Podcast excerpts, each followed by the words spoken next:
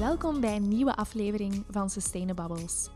Mijn naam is Brit en in deze aflevering ga ik in gesprek met Judith Ketelslegers, co-founder van Foresight Tea. We hebben het over de keuze tussen directe en indirecte impact en de manier waarop Foresight Tea een business case tracht te brengen die niet alleen de CSR-manager, maar ook andere leden van het managementteam kan overtuigen. Deze aflevering wordt mede mogelijk gemaakt door Shift Video Productions, een videoproductiestudio uit Gent die zich focust op positieve impact.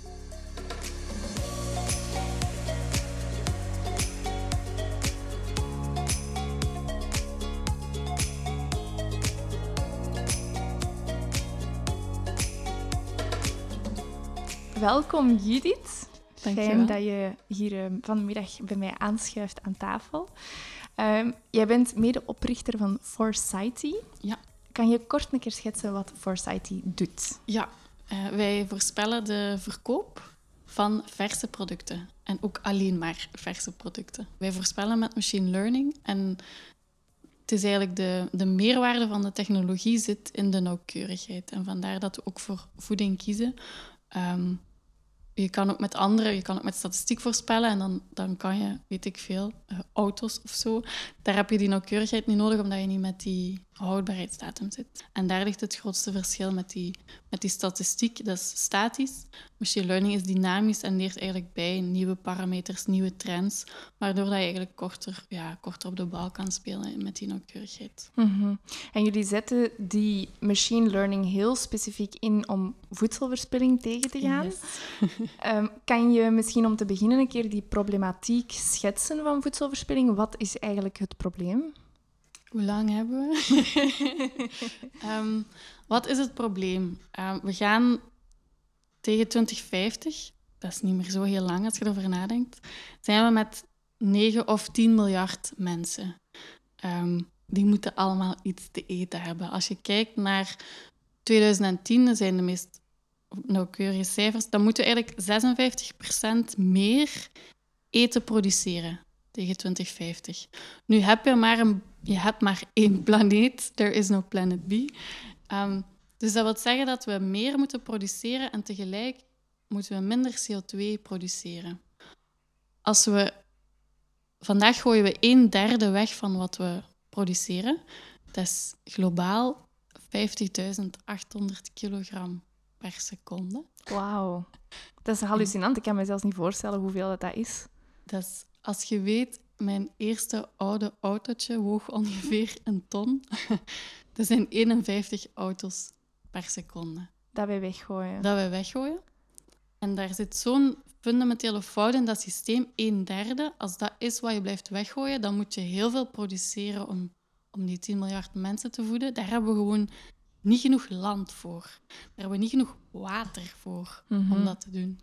En toen ik dat wist, dacht ik, hé, hey, waarom één, weten we dit niet? En twee, wat kan ik eraan doen? Mm -hmm. Een probleem, denk ik, waar dat ook wel meerdere ondernemers uh, opspringen vandaag ja. de dag. Uh, maar jullie doen dat, wat dat mij direct opviel, heel specifiek vanuit een bepaalde hoek, namelijk de retailer uh, en het verse voedsel anderzijds. Um, welk aandeel heeft misschien eerst vers voedsel mm -hmm. in die voedselverspilling? Dus hoeveel, hoeveel van die, dat verspild voedsel is vers? Um, ja, het moeilijke daaraan is dat het heel, nog niet zo heel lang goed gemeten wordt. Dus alle getallen zijn altijd met zo'n sterretje. Um, eigenlijk kan je het allemaal als vers voedsel zien.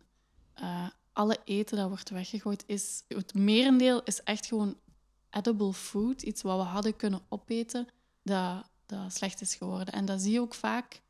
Um, in de circulaire economie bijvoorbeeld ga je uit van een afval wordt grondstof. En dat is een fantastische redenering en dat gaat het zeker moeten worden. Maar die berg afval moet gewoon heel erg naar beneden. Mm -hmm. En daarom dat wij heel erg op die preventie hebben ingezet van hoe voorkom je het nu? Want er zijn al heel wat manieren om er iets mee te doen als, er, als het al afval is. En dan kom je uit, of, of kwamen wij uit, laten we zo zeggen, bij technologie als een manier om die complexiteit een beetje te helpen managen. Want ieder bedrijf moet voorspellen, maar doe dat eens met een product dat maar 20 dagen goed is. Dus dat is gewoon echt heel moeilijk. Mm -hmm. Dus vandaar die, die preventie en technologie, die combinatie van die twee. Ja, en als we het hebben over vers voedsel, gaat dat dan over de groente en fruit? Of gaat dat ook over de zaken die verpakt zijn en waar een datum op staat? Alles, ja. Oké. ja. En je kan eigenlijk, als je kijkt naar ehm, de keten, bestaat uit verschillende stapjes vooraleer het op ons bord ligt. Ehm, aan het begin en aan het einde van de ketting gebeurt het meeste afval. En dan is de vraag, hoe komt dat? Mhm, Ja, inderdaad. Ehm, voor de volle 100% zit bij retail maar een vijftal procent. En dat is, als je erover nadenkt, niet zoveel. Maar ze hebben een hele belangrijke functie in die keten. Bijvoorbeeld, ehm, de bloemkolen worden slecht, het is promotie. En ik kom als single thuis met drie bloemkolen voor 10 cent. Het heeft geen enkele waarde meer. Mhm. Dus ik gooi het weg. mhm. Dus er zit heel veel, 40% van het voedselafval zit bij de consument. En daar, daar zitten eigenlijk effecten doorheen de keten. En specifiek voor voorspellen, dat, officieel heet dat het bullwhip-effect. Dat wil eigenlijk zeggen, stel je hebt een supermarkt en de appels zijn op. We hebben in het Jonagold filmpje gezien dat dat zware gevolgen heeft. Ja. Wat doe je dan de week erna? Zeker als mens, als emotioneel mens, je gaat het dubbel bestellen dat je zeker genoeg hebt. Die leverancier die krijgt die bestelling die denkt, "Maar, die verkoop gaat hier maar twee. Ik ga daar nog iets op plussen. Mhm. En ik ga het in het slechtste geval nog eens verdubbelen. En zo krijg je eigenlijk een, een constructie van een hele hoge vraag, terwijl die consument praktisch nooit het dubbel, het vierdubbel, het zesdubbel van die appels gaat kopen. Mm. En dat gaat eigenlijk door heel die keten. En alles wat niet tot bij de consument geraakt, op een gegeven moment wordt dat slecht en, en gooit je dat weg. En door die voorspellingen van die ketenstapjes aan elkaar te kunnen koppelen, dat is de ideale wereld. Daar zijn we vandaag nog niet, maar daar willen we heel graag naartoe. Mhm. Kan je dat een beetje stroomlijnen? Dat gaat nooit een mooie rechte lijn worden, want het weer en events en whatever, het zal altijd een beetje golven. Mhm. Maar die, die hoge toppen krijg je daar wel vanaf. Ja, het is eigenlijk door die interpretatie dat er in elke schakel nog een schepje bovenop wordt gedaan, als ik het goed begrijp. Exact. En, en als we daar al iets van af kunnen halen, dan denk ik dat we ons steentje in de rivier al wel verlegd hebben. Mhm, absoluut. Ehm, ik kan me inbeelden dat dat niet alleen ecologische effecten heeft. Ergens zou ik zeggen gelukkig. Ehm, Ja, waarom gelukkig? Is dat ook een andere motivatie voor hen misschien? Liggen ze wakker van het ecologische? dat is een heel moeilijke vraag. Ehm, dus er is niemand die graag eten weggooit, voor alle duidelijkheid. Niemand. Maar je zit in een soort economisch systeem waar dat er, ja, als het op het einde van de rit niet opbrengt, valt je bedrijf om. Mhm. Dus dat is ook gewoon een realiteit. En ik denk dat, zeker met hetgeen dat wij kunnen doen, hebben, kunnen we gewoon echt een sterke business case aantonen, omdat het aan twee kanten werkt. Je bestelt niet te veel, maar ook niet te weinig. Mhm. En dat is ook niet de bedoeling, en dat snap ik ook. Ja. Dus in die zin is het, is het een en-en verhaal, ja. Mhm. Klopt. En heeft het ook een, een economische impact? Hè? Want ik hoor je een beetje zeggen, eigenlijk wordt er nog te veel geld verdiend aan voedselverspilling. Maar is er ook een, een economische meerwaarde dan van dat beter, beter te gaan voorspellen, die, die aankoopbeslissingen? Ja, en dat is altijd een beetje de afweging. Hè. Hoe kan je geld verdienen aan voedselverspilling? Ik denk dat daar een heel groot... En dat gaat de komende vijf jaar, zal, het zal niet meer lang duren, of het zal wel zo zijn, komt daar een, eh, een ander fiscaal regime of een ander juridisch regime, waardoor dat die ja, factoren wel veranderen. Anderzijds, die 51 auto's per seconde die we weggooien globaal, die kost ongeveer 940 miljard euro elk jaar. Dus dat zijn wel cijfers. Ja, waar ik grote ogen van trek. Iedereen, dat zijn Ja. zo grote bedragen dat je zelfs niet weet hoe groot dat het is. Mhm. Ja. Dus ja, voeding is, is ook de grootste markt die we hebben, want ook iedereen heeft het best wel nodig. En daar zit ook net de moeilijkheid, omdat iedereen moet eten en het is ook niet iets waar je even een jaar stopzet om een beter systeem te bouwen en dan verder te gaan.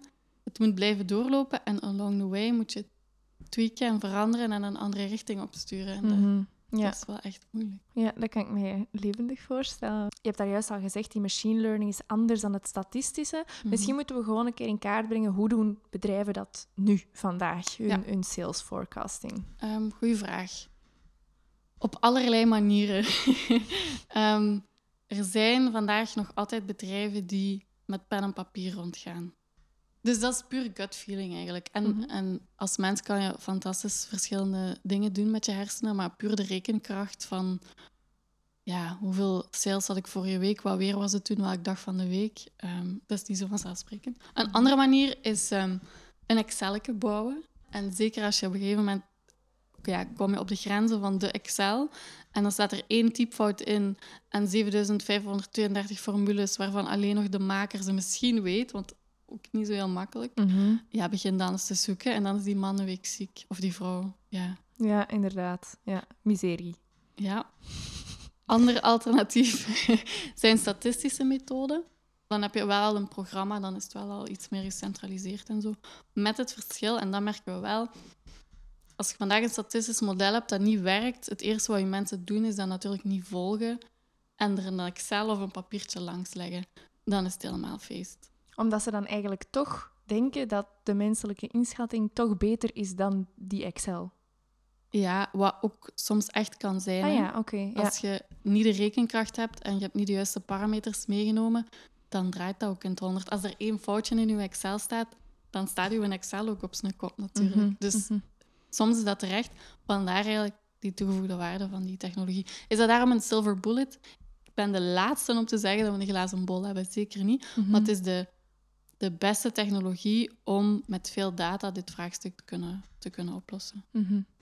Als ik dat mag samenvatten, een, ehm, als iemand een sales forecast programmeert, op welke manier dan ook, statistieken of in een Excel, of met, welke, met welk programma dan ook, dan is het eigenlijk nog altijd de persoon die de formules ingeeft. Ja. En voilà, bij machine learning is dat niet het geval. Ja, die gaat eigenlijk leren van de trends die in jouw data zitten.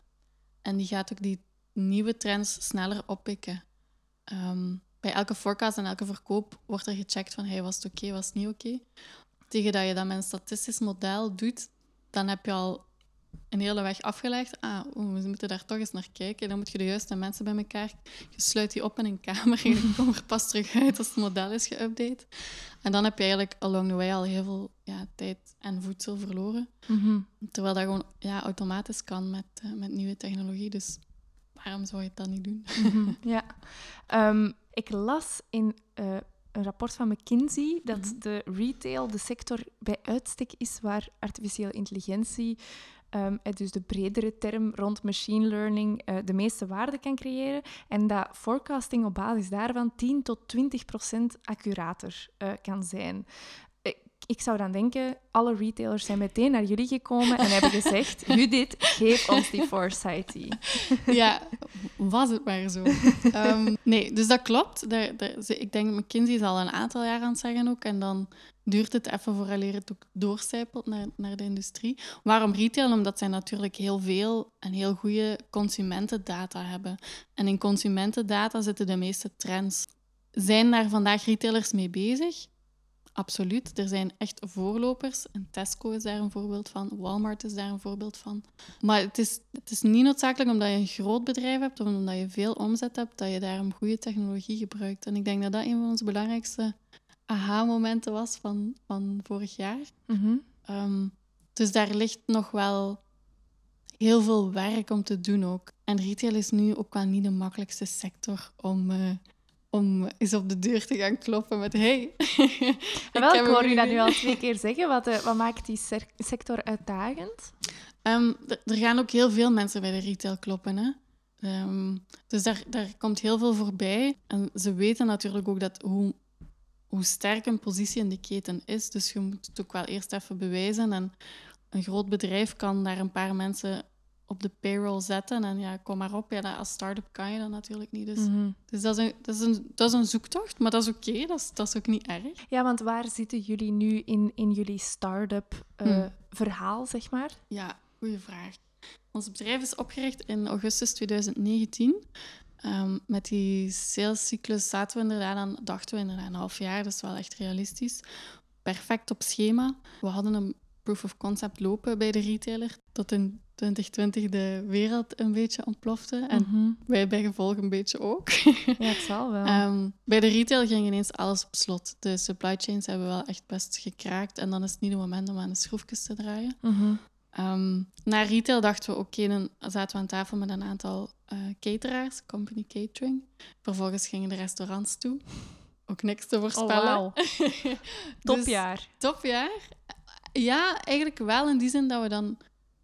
Verplicht is een groot woord, maar dan ga je vanzelf breder kijken. En daar merken we dat bij die voedingsbedrijven ook wel gewoon heel veel toegevoegde waarde zit. En we merken eigenlijk nu na corona dat de, de openheid voor innovatie wel versnelt. Oké. Er zijn heel veel mensen die mij terugbellen van ah, ja, kunnen, we, ah, kunnen we niet nog eens afspreken? Zij het dan digitaal? Mhm. Ehm, ja, die digitalisering heeft, heeft wel een, uh, een boost gekregen. En, en dat merken we nu ook wel gewoon qua, qua reacties, qua mindset, qua... Want het is verandering een stukje en dat is niet altijd even makkelijk. Mhm. Maar ja, het gaat wel de goede kant op. Dus we hebben ook vandaag eh, projecten lopen. We zijn ehm, aan het onderhandelen. Moet je voorzichtig zijn wat ik zeg. Ehm, dus hopelijk kan je binnenkort op onze social media meer nieuws vernemen. Oké, spannend. Ja, Wat een zeker. teaser van formaat. Oh, wauw. Ehm, Wie van de luisteraars moet jou contacteren? Wie moet zich aangesproken voelen? Ehm, van een aantal invalshoeken komen ze bij ons terecht. De ene is natuurlijk duurzaamheid, vanzelfsprekend. Mhm. Eh, omdat je daar ook merkt dat als dat jouw verantwoordelijkheid is binnen een bedrijf, moet je ook altijd gewoon met een sterke business case komen. En, en daar zitten we dan wel altijd goed. Aan de andere kant, de, alle mensen rond demand planning operations, echt de supply chain. En als ze die al hebben, sommigen wel, sommigen niet, ehm, mensen die bezig zijn met innovatie.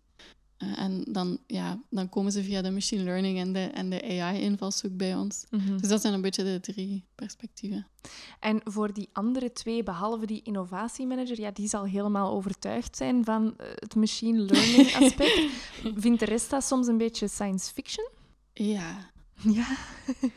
En, en niet zozeer in een slechte zin of zo, maar het, het duurt even vooraleer dat je doorhebt hoe het anders is, omdat je dan pas ook de, de, de meerwaarde kan, kan begrijpen. En dat, dat ligt niet altijd voor de hand. En er, er heeft heel lang heel veel buzzword aangeplakt. Mhm. Dus mensen zijn ook terecht kritisch, dat snap ik ook. Dus we beginnen meestal gewoon met een test, waar dat we zeggen, kijk, laat het in parallel lopen en kijk wat het doet. Je moet ons niet geloven. See it for yourself. Mhm, Ja. Zijn mensen ook strenger voor die, ehm, ja, die, die mechanismen dan dat ze voor een aankoper zouden zijn, bijvoorbeeld? Want iedereen maakt fouten. Ik bedoel, dat is niet alleen zo bij een machine learning, maar ook bij mensen. Kijk, een mooie vraag. Ehm, ja, tuurlijk ben je strenger voor de machine. En misschien ook wel terecht. De machine moet niet slapen of op vakantie gaan of whatever. We zien het eigenlijk als een soort win-win. De, de data crunching maakt de mens slimmer en kan op die manier ook betere beslissingen nemen. En andersom, er zijn ook heel veel factoren die ook alleen de mens maar ziet aankomen of weet, die je dan weer aan de machine kan geven om het beter te doen. En zo moet je het eigenlijk zien. Het is een soort hulpmiddel waar beide beter van worden. En kan je er dan bijvoorbeeld ook corona in steken of zo? Zou het daar rekening mee houden? Het hangt ervan af wat je natuurlijk bedoelt met kan je er corona in steken. Ehm, als dat zou kunnen. Ehm, nee, hoe, hoe we daar vandaag mee omgaan. ehm, je kan bijvoorbeeld meer gewicht geven aan bepaalde data. En zeggen, kijk, dit was een heel uitzonderlijke periode. Hou hier meer of net minder rekening mee, afhankelijk van Mm. waar dat je zit in de trein. Dus Mm. in die zin zijn er nu ook... Is ook de grote vraag, zijn de consumentenpatronen nu veranderd na corona of niet? En hoe erg zijn ze dan veranderd? En die zitten gewoon al in jouw salesdata. Dus ja, inderdaad, dat, dat kan je wel meepakken. Kan jullie systeem nu al zien of de veranderingen in de patronen permanent zijn of niet?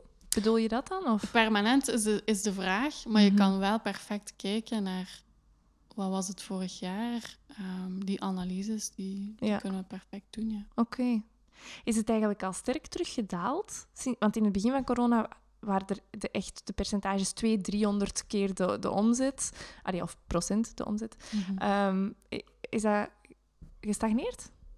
Eh, dat is terug naar normale niveaus, maar je ziet natuurlijk wel dat ja, je gaat minder op restaurant, dus je kookt iets meer. Dus in die zin wel, maar Mhm. het zijn niet meer die, die zotte percentages. Ja, ja. Oké. gelukkig. Ja, inderdaad. Dat was een beetje... Daar dachten mensen ook aan science fiction, denk ik, op die momenten. Ehm, Oké. Eh, en wat zijn dan de sleutels voor die mensen die het dan toch een beetje science fiction vinden? Mhm. Ehm, je hebt daarnet gezegd, we laten het parallel lopen, dus they gotta see it for themselves. Mhm.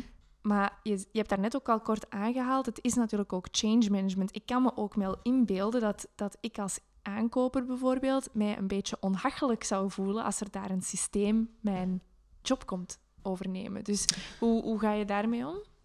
Ehm, door al te zeggen dat, we zeker zijn job niet komen overnemen. Dat is een goed begin. Eh, omdat het ook gewoon effectief zo is. Het is, ehm, het is echt een hulpmiddel waardoor dat je je job beter kan doen en waardoor dat je eigenlijk op de, ja, wij noemen het dan de high-value taken kan focussen. Als je vandaag 4000 verschillende producten moet voorspellen, elke dag of om de twee dagen, ja, je- dat krijg je gewoon niet rond. Dan zet je alleen maar data in je Excel aan het, geven, allee, aan het ingeven. Mm. Dus op die manier wordt de job eigenlijk gewoon interessanter om te doen. Da- Dan, kan je, dan heb je echt een tool om, om analyses te maken en, en, en om je werk gewoon beter te kunnen doen. Dus, Mhm. dus het is eerder zo dat we het zien. Automatisch zal, zal het nooit gaan. Ik bedoel, Mhm.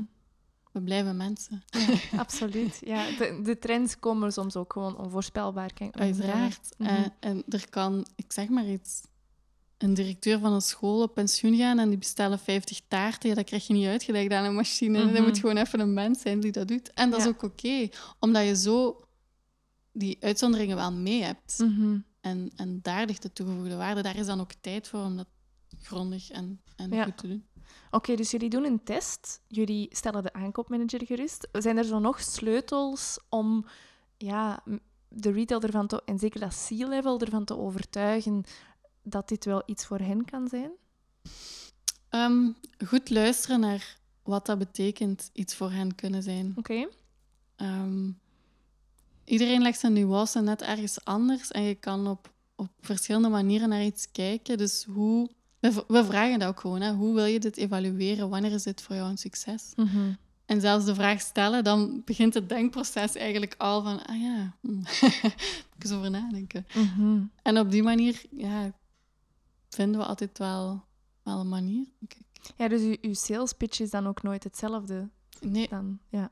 Allee, dat is nooit natuurlijk, maar ik kan me wel inbeelden dat de USP's dan ook helemaal anders zijn voor een CSR-manager die bij jullie Ja. komt aankloppen als voor een, een operations manager bijvoorbeeld. absoluut. Ja. En afhankelijk van wie er aan tafel zit of hoe het proces loopt, wie de beslissingen neemt, eh, bij wie het budget zit, ook heel belangrijk. Mhm.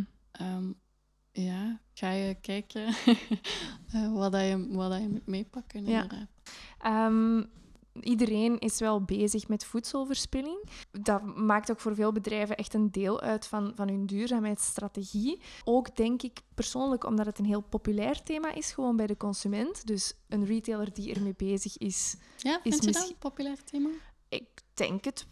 Ja, goh, na- naar mijn aanvoelen... Allee, ik weet niet of dat iedereen er zo bewust mee bezig is, maar ik denk dat iedereen ondertussen wel weet dat voedselverspilling een probleem is en dat er veel initiatieven rond zijn.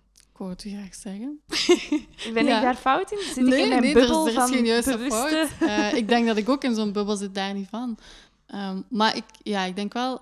Het is, je ziet het ook gewoon aan events bijvoorbeeld. Er, er zijn echt aparte events en organisaties specifiek alleen rond voedselverspilling. Mhm, Hoe ver het dan tot bij de consument geraakt, ja, ik kan daar niet meer over oordelen, denk ik. mhm. Ja, nee, tuurlijk. Daarvoor zitten we een beetje te niche waarschijnlijk. Maar goed, er, wordt, er beweegt Ja. veel rond. Ja, eens. Ehm, hoe, hoe kijk je... Je hebt het al wel een beetje toegelicht, maar ik wil het misschien toch een beetje breder uittrekken. Hoe, hoe kijk je daar tegenaan dat, dat retailers dat dan toch zo prominent opnemen, ondanks het feit dat hun impact eigenlijk in, in percentages van wat er verspild wordt relatief klein is? vind ik een heel interessante vraag, die ik mezelf al heel vaak gesteld heb. ik denk niet dat er één antwoord is. Zo ik er vandaag naar kijk, een aantal dingen. Ehm, de weg naar een duurzame planeet is er eentje van awareness en bewustwording. En dat is niet noodzakelijk iets wat je hard kan meten. Maar hoe meer je die boodschappen hoort, hoe, hoe groter dat groeit in jouw onderbewustzijn. Daar ben ik echt van overtuigd. Dat is één. Twee, marketing, is het window dressing, is dan de vraag. Daar zit ook een soort self-fulfilling prophecy in. Je kan maar een aantal keer zeggen, we gaan hier iets aan doen. In die end gaat er iemand zeggen, hé hey, mannetjes, hoe, hoe zit het? En dan zie je meestal wel van, ah ja, hm, ja, we zullen hier maar eens iets mee gaan doen, zeker. Ja. Dus daar geloof ik ook heel erg in. Ehm, En zeker als consument, we zijn, we zijn burger, we zijn duurzaam burger, maar we zijn, als we in de winkel staan, vooral ook consument. Eigenlijk eten is een van de meest onbewuste keuzes die je maakt. Mhm. In de supermarkt, in een restaurant. Dus het is heel moeilijk om daar bewust de juiste keuze te maken. Dus ik denk dat het echt een soort onbewustzijn is dat moet groeien, waardoor het een soort van zelfsprekendheid wordt. Mhm. Als jij heel graag vlees eet en je hoort genoeg en herhaaldelijk genoeg wat de impact daarvan is voor dier, voor, voor wereld, voor, je, voor jouw gezondheid. Op een gegeven moment gaat je een dag minder vlees eten. Mhm. Maar dat is daarom niet noodzakelijk een aha, nu ga ik dat... Dus Begrijp ik het goed dat je zegt van de impact van de retailer is misschien relatief klein, maar eigenlijk maakt hij onrechtstreeks heel veel consumenten wel bewust? sowieso. Ja. Dus die impact heeft eigenlijk onrechts, of die, die effort heeft eigenlijk onrechtstreeks ook een impact op die 40% die verspild wordt door de consument. Absoluut. Ik ben daar heel erg Mm. van overtuigd. En hoe meer we ook gaan vanuit retail naar ehm, persoonlijke voeding of, of reclame tussen aanhalingstekens. Ik mag geen gluten en geen zuivel. Vanaf dat, dat dat een persoonlijk iets is dat naar mij wordt gebracht, koop ik ook alleen maar juiste dingen. Zijn we er dan? Absoluut niet. maar het is een en-en verhaal, denk ik. Ja. En het, het kan wel gewoon een vliegwiel zijn voor, voor initiatieven die erna komen. Mhm. Heel veel van die eh, voedselverspilling op, op niveau van de consument heeft ook te maken met de vele terminologieën voor de vervaldatum en Ja. de onduidelijkheid daaromtrent. Eh, Kunnen retailers daar een impact in maken? Ja, en start-ups ook. Er zijn vandaag start-ups die in plaats van een datum gaat er een, een gekleurde sticker eh, op jouw vlees hangen, bijvoorbeeld. En die heeft een bepaalde kleur. En afhankelijk van de kleur weet je, is het nog goed of niet. Mm. En dat heeft dan te maken met... eh, ja, Verandert die kleur dan? Like Die- die kleur- ja, Wat? die kleur Oh. verandert. En op basis van wat er eigenlijk in de verpakking gebeurt. Eh, en ik, dat is mega cool. ik weet zelfs niet of dat, het, of dat het per se zelfs in een verpakking moet, maar bijvoorbeeld voor vlees of zo kan dat.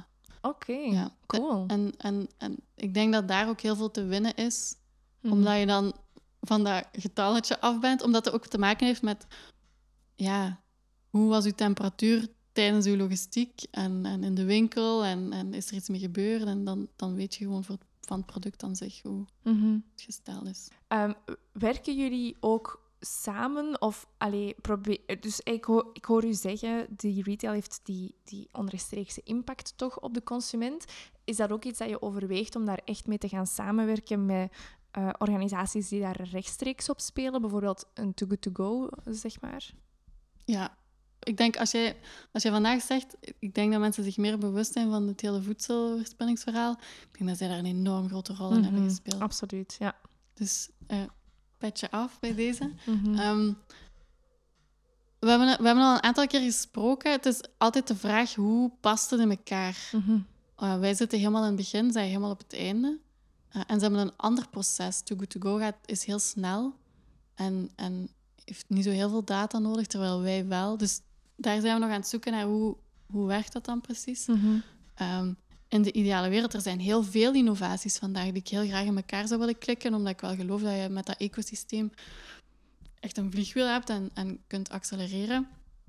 Ik denk dat binnen een paar jaar ook wel gaat komen. Het is nu kwestie van eh, ja, te overleven, om het even heel plat te zetten.